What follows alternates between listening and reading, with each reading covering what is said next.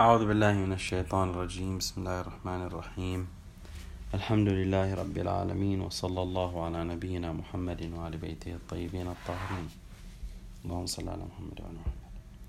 كنا نتحدث عن الدليل الرابع من أدلة الأحكام الشرعية وهو العقل. بعد أن عرفنا العقل وذكرنا الدليل على حجيته وتقسيماته إلى المستقلات العقلية وغير المستقلات العقلية. الآن نبدأ بالدخول إلى جزئيات هذه آه، الأدلة المستقلات العقلية وغير المستقلات العقلية. الموضوع الأول أو الدليل الأول أو القسم الأول المستقلات العقلية وفيه مسألة واحدة. يعني كل المستقلات العقلية اختصرت في مسألة واحدة وهي مسألة التحسين والتقبيح العقليان. وحتى نتعرف على هذه القاعدة لابد لنا من التوقف عند مصطلحاتها وهما مصطلحان آه، أساسيان. المصطلح الأول هو مصطلح الحسن والمصطلح الثاني هو القبح. في الاستعمالات الكلامية آه، والأصولية وبالتحديد في من علم الكلام. هي هذه المسألة انتقلت من علم الكلام إلى علم أصول الفقه. في علم الكلام وتبعا له علم ال... في علم الكلام نعم وتبعا له علم أصول الفقه. تستعمل هاتان الكلمتان في ثلاثة معان متقابلة. يعني كل معنى له ما يقابله. الإطلاق الأول أو المعنى الأول الحسن ويراد به الملائمة للطبع. يعني إذا كانت هذه الصفة أو هذا الشيء ملائما لطبع الإنسان ولنفس الإنسان ويستحسنه طبعه ونفسه تستحسنه فيقال أن هذا حسن. وما يقابله يقال أنه قبيح. فيقال كما في مثال الشيخ هنا هذا صوت حسن يعني تألفه النفس والطبع البشري يتقبله. في قباله ذلك الصوت قبيح بمعنى أنه لا يلائم الطبع وتنفر منه النفس. إذا الحسن هو الملائمة والقبح عدم الملائمة للطباع. وهذا المعنى ليس ليس هو المعنى الذي يعنينا فعلا في علم أصول الفقه. هذا ربما آه، يتنا يعني يتناول في علم الأخلاق وما آه، يرتبط بعلم الأخلاق. الإطلاق الثاني يطلق الحسن ويراد به الكمال والقبح يراد به النقص أو عدم الكمال. أو النقص أو عدم الكمال. فعندما يوصف العلم بأنه حسن فإنه حسن لأنه كمال والجهل قبيح لأنه نقص. لاحظوا إذا قلنا بأن العلم حسن وأردنا أن نطبق الحسن على المعنى الأول فنقول بأن العلم حسن يعني يعني ملائم للطباع. هذا ليس لا يطلق العلم ولا يوصف العلم بأنه ملائم للطباع أو ليس ملائما للطباع. يعني ليس أمرا استذواقيا إن صح التعبير أو ليس أمرا آه، يلائم يلائم النفس أو لا يلائم النفس. هي النفس تتقبل العلم وتتصف بالعلم. يعني دائما فيها قابلية في تقبل العلم وملا وملائمته. فإذا لابد من حمله على معنى آخر وهو الكمال. أن العلم كمال والجهل قبيح بمعنى أنه نقص أو عدم كمال. كذلك فقط أريد أن نقوم بعملية مقارنة بين الأمثلة. كذلك عندما نريد أن نطلق أو آه، نوجه كلمة الحسن في المثال الأول أو في الإطلاق الأول يعني في مثال الإطلاق الأول. على المعنى الثاني أيضا لا يلتئم. لاحظوا هذا الصوت حسن يعني كامل هو ليس الصوت ليس من شأنه أن يتصف بالكمال وعدم الكمال. الصوت هو أمر استذواقي إما أن يلائم النفس أو لا يلائم النفس. هذا الإطلاق أو الإطلاقان الأول والثاني. أيضا من الإطلاقات يقال الحسن بمعنى إدراك أن هذا الشيء مما ينبغي أن يفعل. بحيث لو أقدم الفاعل على هذا الفعل الموصوف بأنه حسن فسيكون هذا الفاعل مورد مدح العقلاء وإشادتهم والقبح بخلافه. يعني إدراك أن هذا الفعل أو هذا الشيء مما لا ينبغي أن يفعل أو مما ينبغي أن لا يفعل. بحيث لو فعله الفاعل صار موردا لذم آه، العقلاء. هنا إذا ننظر إلى الحسن عندما نقول العدل حسن. يعني العدل مما يدرك وينبغي فعله. والظلم قبيح بمعنى أنه مما لا ينبغي فعله. مما لا ينبغي فعله. وهذا مرتبط وإن كان الشيخ ما فصل هذا الموضوع لا بأس أن نذكر أنه مسألة التحسين التقبيح العقليان من المسائل المهمة. وهذا يرتبط بحسب المعنى الثالث يرتبط بمسألة العقل العملي. تعلمون بأن العقل له حيثيتان. عقل عملي وعقل نظري. عقل يوجه الإنسان نحو ما ينبغي أن يعلم وما لا ينبغي أن يعلم. وعقل له حيثية حيثية توجيه الإنسان إلى ما ينبغي أن يفعل وما لا ينبغي أن لا يفعل. أو ما ينبغي أن لا يفعل. هذا المعنى الثالث مرتبط بمسألة العقل العملي لأنه إدراك أن هذا الشيء عندما أقول بأن هذا الشيء حسن يعني العقل يدرك أن هذا مما ينبغي أن يفعل أو أنه مما ينبغي أن لا يفعل.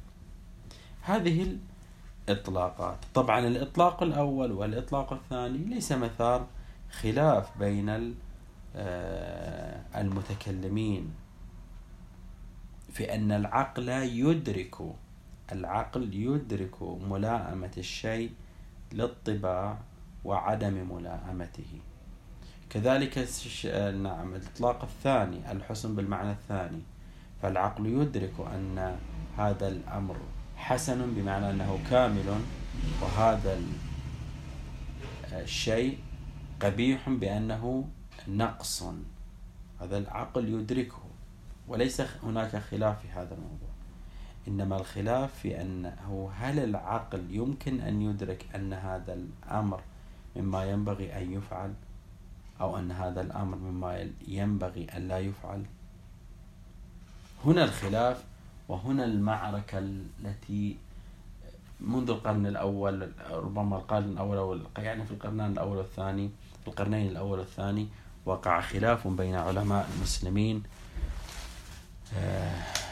في تحديدها هل للعقل أن يحكم بحسن الأشياء وأنه ينبغي أن تفعل هذه الأشياء أو لا؟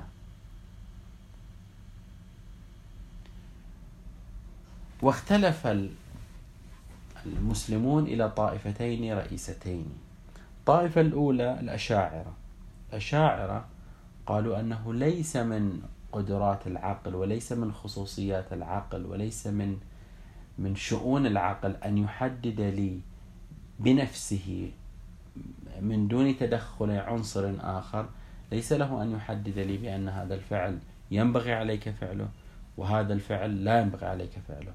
فأن فالأشياء ليست ليس فيها قيمة ذاتية وإنما قيمها اعتبارية جعلية. بتعبير آخر الأشعري ماذا يقول؟ يقول عندما تقول لي ال عندما تقول لي أن الصدق حسن.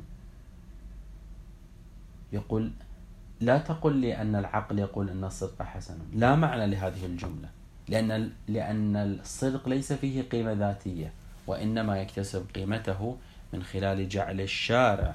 هو الشارع الذي يجعل الصدق يعتبر الصدق حسن فيكون حسنا ينبغي أن يفعل. والكذب قبيح هو يجعله الشارع يعتبره قبيح ثم بعد ذلك يكون ما ينبغي أن لا يفعل. واستدلوا على ذلك قالوا أنه الشارع في بعض الأحيان يقول لنا أنه يجوز لك الكذب ويحق لك الكذب بما لو ستحافظ على نفسك أو ستحافظ على عرضك أو غير ذلك. إذا انطلقوا من أن لا يوجد الأشياء قيم ذاتية وإنما قيمها اعتبارية جعلية والعقل حتى لو حدد لي هذه التحديدات لا قيمة لها لا أستطيع أن أرتب عليها أي أثر هذا المشهور عن المشهور عن الأشاعرة بأنهم يذهبون إلى هذا الرأي. في قبالهم العدلية والعدلية هم الشيعة والمعتزلة. هذان المذهبان يطلق عليهم العدلية طبعا فائدة في الهامش. العدلية باعتبار أنهم يقولون ب آه، بالعدل كأصل من أصول الدين. بخلاف الأشاعرة ليس عندهم ذلك. العدلية ماذا يقول؟ الشيعة والمعتزلة يقولون أن الله سبحانه وتعالى عادل بمعنى أنه ال... هذا الشخص لا ي... لا يتصرف معه الله سبحانه وتعالى إلا وفق العدالة بمعنى أن العقلاء ما يقرونه ويقولون أنه عدل. يعني إذا كان هذا الأمر إذا كان هذا الأمر في عقلا يعتبر عدل فإن الله سبحانه وتعالى يحكم بذلك ويلتزم بذلك. أما الأشاعرة يقولون لا. لا, لا يلتزم الله سبحانه ليس هناك ما يلزم الله سبحانه وتعالى بهذا الفعل. وبتعبير آخر إذا جاء إنسان عبد الله عبد الله سبحانه وتعالى طيلة سبعين سنة حاول أن يبتعد عن المعاصي وفعل كل الواجبات وجاء بالمستحبات فهنا العدل ماذا يقول؟ يقولون العقل يحكم بأن هذا الشخص يكون مثلا في الجنة. باب المثال أنا فقط التقريب. ولا يج ولا يجعل الله سبحانه وتعالى مثل هذا الشخص مثل هذا الشخص في النار لأنه خلاف العدل. في حين الأشاعرة يقولون لا. لو جاء الله سبحانه وتعالى وأخذ هذا الشخص العابر وضعه في جهنم فالعدل هنا أن يكون في جهنم. ولو وضع ذلك الظالم في الجنة فإن العدل يكون فيما وقعه. نقول له كيف إدراكات العقل يقول هذا ليس عدل. يقول لا العقل ليس له من شؤونه ذلك. العقل لا يستطيع أن يستكشف هذا الأمر ليس من شؤونه أن يستكشف مثل هذا الأمر. فهذا في الاستطراد. إذا الأشاعرة يذهبون إلى أن الحسن والقبح ليسا ذاتيين وإنما جعليين من الشارع. العدلية في قبالهم قالوا لا للأفعال قيمها الذاتية ويستطيع العقل أن يستنطق ويستكشف هذا الحسن وهذه القيمة الذاتية. فالأشياء حسن هناك يعني الأشياء إما أن تكون حسنة في نفسها أو قبيحة في نفسها.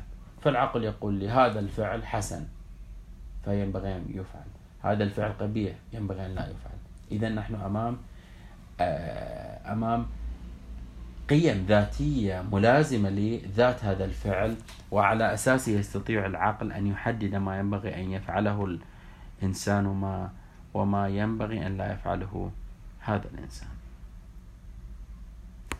هذا هذان الاتجاهان اتجاه الأشاعرة والاتجاه العدلية اتجاه الأشاعرة أطلق عليه التحسين والتقبيح الشرعيين بمعنى أن حسن الأشياء وقبحها أمر مكتسب ويؤخذ من حكم الشارع في قباله التحسين والتقبيح العقليين.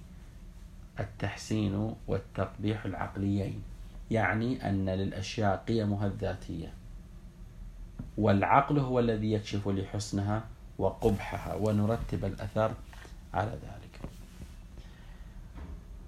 هذا إجمالي الفهرس العام لمسألة التحسين والتقبيح العقليين والشرعيين. والمسألة مفصلة جدا من مصادر لمن أراد أن يطالع هذا يطالع في هذا الموضوع. كتبت عنه ربما مئات الرسائل والمقالات و لاحظوا ممكن الرجوع له في مصادر علم الكلام؟ غالبا المصادر الكلامية تتناول.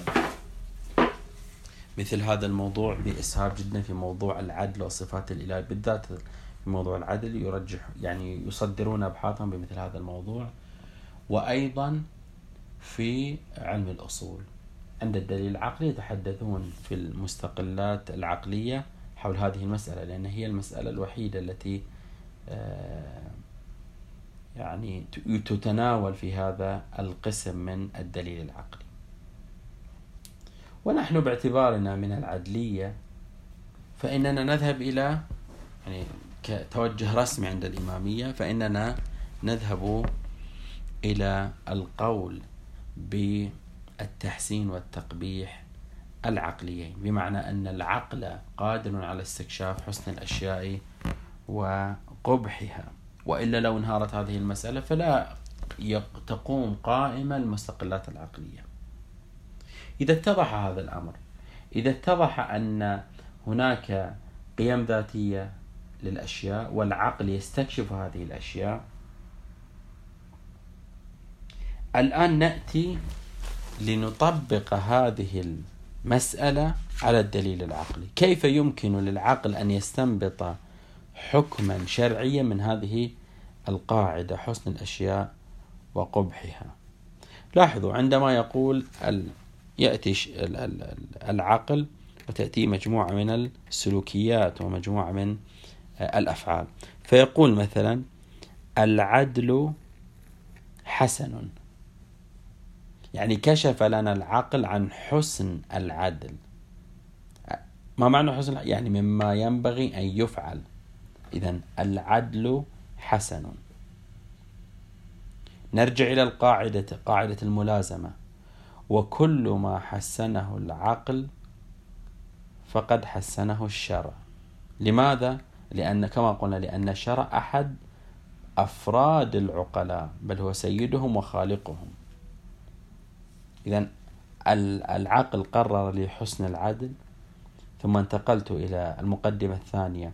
كل ما يحكم به العقل يحكم به الشرع فالنتيجة الشرع يحكم بحسن العدل.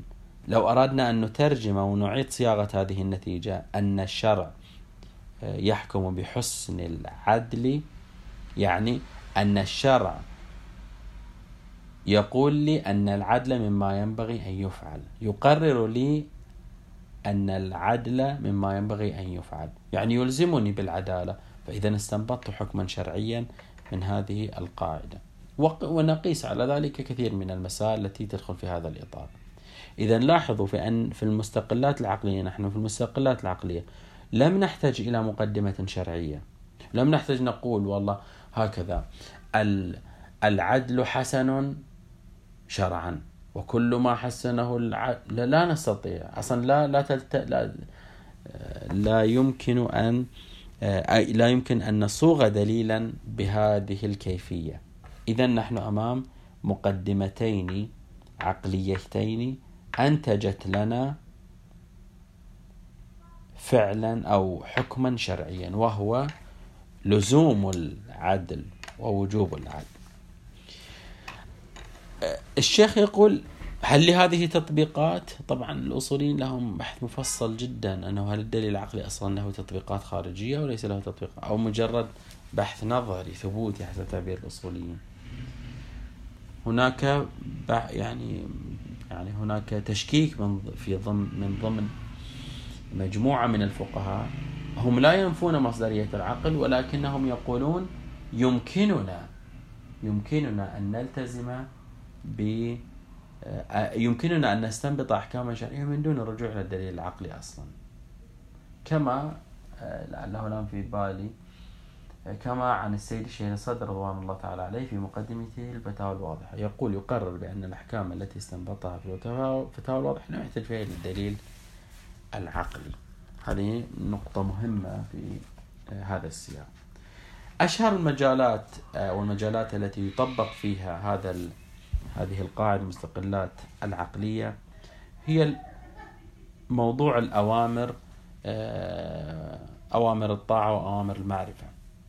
بمعنى أنني إذا أدرك المكلف بأن هناك رسول فإن العقل يدعوه إلى الالتزام بأوامر الرسول ويدعوه بطاعة هذا الرسول ويدعوه بمعرفة لمعرفة هذا الرسول. هذا كله من شؤون المستقلات العقلية. ولو جاء دليل وقال لي بأنه يجب إطاعة الله ويجب إطاعة الرسول فإنه من باب التأكيد لحكم العقل وليس تشريعا جديدا. طبعا هذه دعوة كبيرة جدا ومؤثرة. لاحظوا إذا تعرف الإنسان إذا تعرف الإنسان على أن هناك خالق مدبر قامت الأدلة خالق مدبر مشرع أو له جزاءاته وأحكامه الخاصة فهنا العقل يقول يدعوه إلى أن التعرف على هذا التعرف أطاعة هذا الرب وطاعة هذا الإله حسنة أن الطاعة حسنة. فنأتي بالمقدمة الثانية قاع... نعم مقدمة الملازمة. فنخرج إلى أنه أن آه، ينبغي على الإنسان أن يطيع ينبغي على الإنسان يطيع الله سبحانه وتعالى ويطيع الرسول. وتأتي الآية المباركة وأطيعوا الله وأطيعوا الرسول. تأتي من باب التأييد لذلك الحكم العقلي. إذا هذا باختصار شديد جدا مسألة المستقلات العقلية ومسألتها التحسين والتقبيح العقلية. ننتقل بعد ذلك إلى غير المستقلات العقلية. نذكر وهو القسم الثاني من أقسام الدليل العقلي. وغير المستقلات العقلية تكون واحدة من المقدمتين من مقدمتي الاستدلال واحدة منها شرعية. يعني أخذناها من الشارع كمسلمة ثم بعد ذلك بنينا القياس عليها بنينا الاستدلال عليها. وغير المستقلات العقلية يتناول فيها مجموعة من المسائل خمسة مسائل مسألة الإجزاء مسألة مقدمة الواجب مسألة الضد مسألة اجتماع الأمر والنهي أو اجتماع الأمر والنهي ومسألة النهي عن الفساد. النهي عن الفساد. نتناول هذه القواعد الخمس بالتوضيح والتبيين. القاعدة الأولى قاعدة الإجزاء. قاعدة الإجزاء. لاحظوا سنرجع إلى بعض المصطلحات التي آه، مرت علينا فيما سبق. لاحظوا تأتيني يأتيني ماذا؟ آه، حكم. يأتيني حكم يقول لي حكم أولي واقعي. حكم أولي واقعي. هذا مر علينا فيما سبق. وامتثاله وامتثاله يكون من خلال أمر اختياري واقعي. أمر أمر اختيار الأمر الاختياري في مقابل الأمر الاضطراري. إذا نحن أمام أمرين. أمام قيدين. أمام في القيد الأول لدينا حكم أولي واقعي. في قباله حكم ثانوي ظاهري مثلا. كيف امتثل هذا الحكم الأولي؟ من خلال أمر اختياري واقعي. في قباله أمر اضطراري واقعي. أمر اضطراري واقعي. مسألة الإجزاء تقول مسألة الإجزاء تقول هناك حكم من الله سبحانه وتعالى أن تصلي الصلاة متطهرا. أن تصلي الصلاة متطهرا. الآن فأنا فقط أتيت بالمصطلحات الآن سنأتي بالمثال حتى يتضح الأمر بسهولة. هناك أمر إلهي بالإتيان بالصلاة متطهرا. متطهرا بأي شيء؟ حال الاختيار بالماء. يعني متوضئا بالماء. هذا الفعل التوضؤ بالماء للصلاة فيه مصالح فيه ملاك. يعني الله سبحانه وتعالى جعل هذا الحكم الأولي في حال الاختيار لأن فيه مصلحة. فيه مصلحة. الآن لو لم يستطع المكلف أن يمتثل اختيارا وإنما امتثل بالاضطرار وهو الإتيان بالصلاة من خلال الطهارة الترابية التيمم. أعيد أنه قد يكون مثال آه، يعني يشتت. نحن أمام أمام أمرين. أمر اختياري. صل متوضئا بالماء. صل متطهرا بالماء. وأمر هذا أمر اختياري. أمر اضطراري. وهو صل متيمما. متيمما.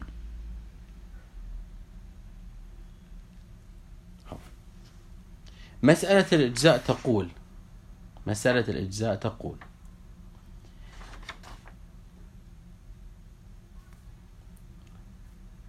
هذا المكلف إذا امتثل بالأمر الاضطراري هل يجزئه عن الأمر الاختياري؟ يعني هو في حال الاضطرار ذهب إلى الطهارة الترابية الآن زال عنه عذر الاضطرار فرجع مفترض يرجع إلى الحالة الاختيارية وهو الطهارة الترابية الطهارة المائية. هل يكتفى بالطهارة الترابية فيما لو أدى الفعل وصلى؟ هل يكتفى بهذا الفعل ولا يجب عليه الإعادة للإتيان بال بالطهارة أو الصلاة مع الطهارة المائية أو لا؟ لاحظوا كيف أنه بعد الإتيان بأمر هو مأمور بشيء لكنه في الاضطرار مأمور بشيء آخر أو نقول سيأتي بشيء آخر غير المأمور به الأول. هل الآن مأمور به الأو الثاني يجزئ عن المأمور به الأول أو لا؟ قد يعني قد للوهلة الأولى الواحد لا يلتفت أنه ما الفرق بذلك هناك فرق هناك فرق. سيتضح الآن من خلال مسير البحث. إذا يمكننا تعريف الإجزاء بأنه هو الاكتفاء بامتثال أمر عن أمر. الاكتفاء يعني عدم الإعادة وعدم القضاء. بامتثال أمر ما هو الأمر؟ الاضطراري. عن أمر ما هو؟ الاختياري. إذا هل يمكنني كمكلف أن أكتفي بالإتيان بالأمر الاضطراري عن الأمر الاختياري في حين أنني متوجه إلي الأمر؟ الاختياري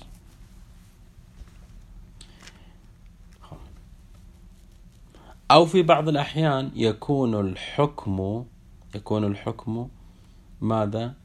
الأولي. أنا تكليفي الحكم الأولي. ولكن لأنه لم يظهر لي الحكم الأولي غم علي الحكم الأولي سأذهب إلى الحكم الظاهري. سأذهب إلى الحكم الظاهري. هل أكتفي بهذا الحكم الظاهري؟ هل يمكن الاكتفاء بهذا الحكم الظاهري أو لا؟ أنا لا أعلم بطهارة الثوب. يعني لا أعلم بحكم الثوب آه، عند الشك في طهارته. فهنا هل يمكن أن أعتمد على قاعدة الطهارة وهي حكم ظاهري والاكتفاء بها عن الحكم الأولي الواقعي أو لا فأثبت طهارة الثوب عند عند حالة شك. فأرتب آثار الطهارة عليه. أنا الحكم الأولي لهذا الثوب أجهله ولكن بالحكم الظاهري يمكن أن نعينه فأقول هو طاهر بناء على قاعدة الطهارة. هل يكتفى بقاعدة الطهارة وما نتج عن قاعدة الطهارة من العمل من الحكم بطهارة الثوب أو لا؟ إذا لاحظوا هل اكتفى هل يجوز لنا الاكتفاء؟ هل يحق لنا الاكتفاء بامتثال الأمر الظاهري عن الأمر الواقعي. هل يكفينا هذا وأحقق تلك المصالح أو لا؟ أقرأ هذا المقدار باعتبار حتى يعني تتضح. يقول تعريفه تعريف الإجزاء. هو الاكتفاء بامتثال أمر عن أمر سواء كان الاكتفاء بالعذر أو بالاضطرار عن الاختيار أو بالاكتفاء أو الاكتفاء بالظاهر عن الواقع. يقول التكليف المطلوب من المكلف هو امتثال الأمر الاختياري الواقعي والإتيان بالحكم الأولي الواقعي وعندما يأتي الف... نعم يؤت أن يأتي بالفعل على وفقه يعد ممتثلا ويسقط التكليف. إذا إذا جاء بالأمر الاختياري وقع التكليف سقط التكليف عن ذمته. إذا جاء بالحكم الواقعي فقد سقط التكليف عن ذمته. هذا إذا كان الأمر الاختياري الواقعي غير متعذر عليه أو لم يكن جاهلا به. ليس متع... لم يتعذر علي أن أستعمل الطهارة المائية.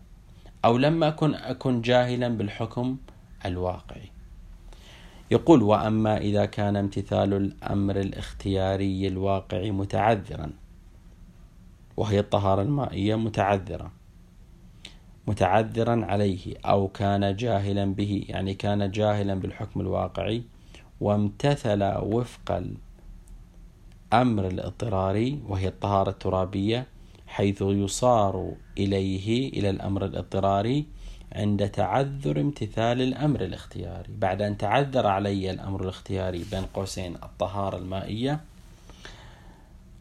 ذهبت إلى الأمر الاضطراري أو وقوع أو وقوع المكلف في حرج من امتثاله من امتثال الأمر الاختياري كالتيمم حيث يؤتى به عند تعذر الوضوء وعدم القدرة على الإتيان به أو الوقوع في حرج من امتثاله. هذا بالنسبة للأمر الاختياري. أو امتثال و... نعم أو امتثل وفق الأمر الظاهري غم عليه الأمر الواقعي فلجأ إلى الأمر الظاهري حيث يصار إليه عند الجهل بالأمر الواقعي كالحكم بطهارة الثوب عند عدم العلم بالنجاسة. أنا أشك في طهارة هذا الثوب أشك في نجاسة هذا الثوب. هل هو نجس أو ليس؟ فأطبق. غم علي الحكم الواقعي فألجأ إلى قاعدة الطهارة وهي حكم ظاهري التي تثبت طهارته ظاهرا.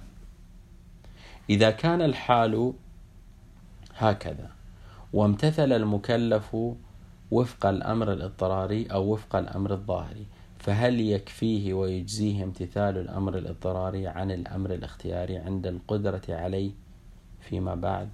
هذا عندما كان مضطرا للتيمم الآن بعد ساعة بعد أن أدى الصلاة متيمما بعد ساعة حصل الماء زال العذر. هل يكتفى بهذا الأمر الاضطراري؟ أو لا لا بد أن يعيده. وهل يكفيه ويجزيه امتثال الأمر الظاهر عن امتثال الأمر الواقع عند العلم فيما العلم عن عند العلم به في فيما بعد؟ بمعنى أنني الآن كنت جاهلا بحكم هذا الثوب فطبقت قاعدة الطهارة. ورتبت آثار الطهارة عليه. ثم بعد ذلك اكتشفت واتضح لي بأن هذا الثوب كان نجسا. فهل يجب ترتيب أثر النجاسة وعدم الاكتفاء بالظاهر أو لا؟ هذا ما يمكن أن آه، يقال في تصوير المسألة مسألة الإجزاء. إذا الإجزاء هو الاكتفاء بامتثال أمر عن أمر. جيد. نكتفي بهذا المقدار حتى لا يعني نطيل في في البحث نكتفي بهذا المقدار في الجلسة القادمة. نعطي الحكم في حال الاضطراري والحكم يعني إجزاء الاضطراري وإجزاء الظاهري. والحمد لله رب العالمين.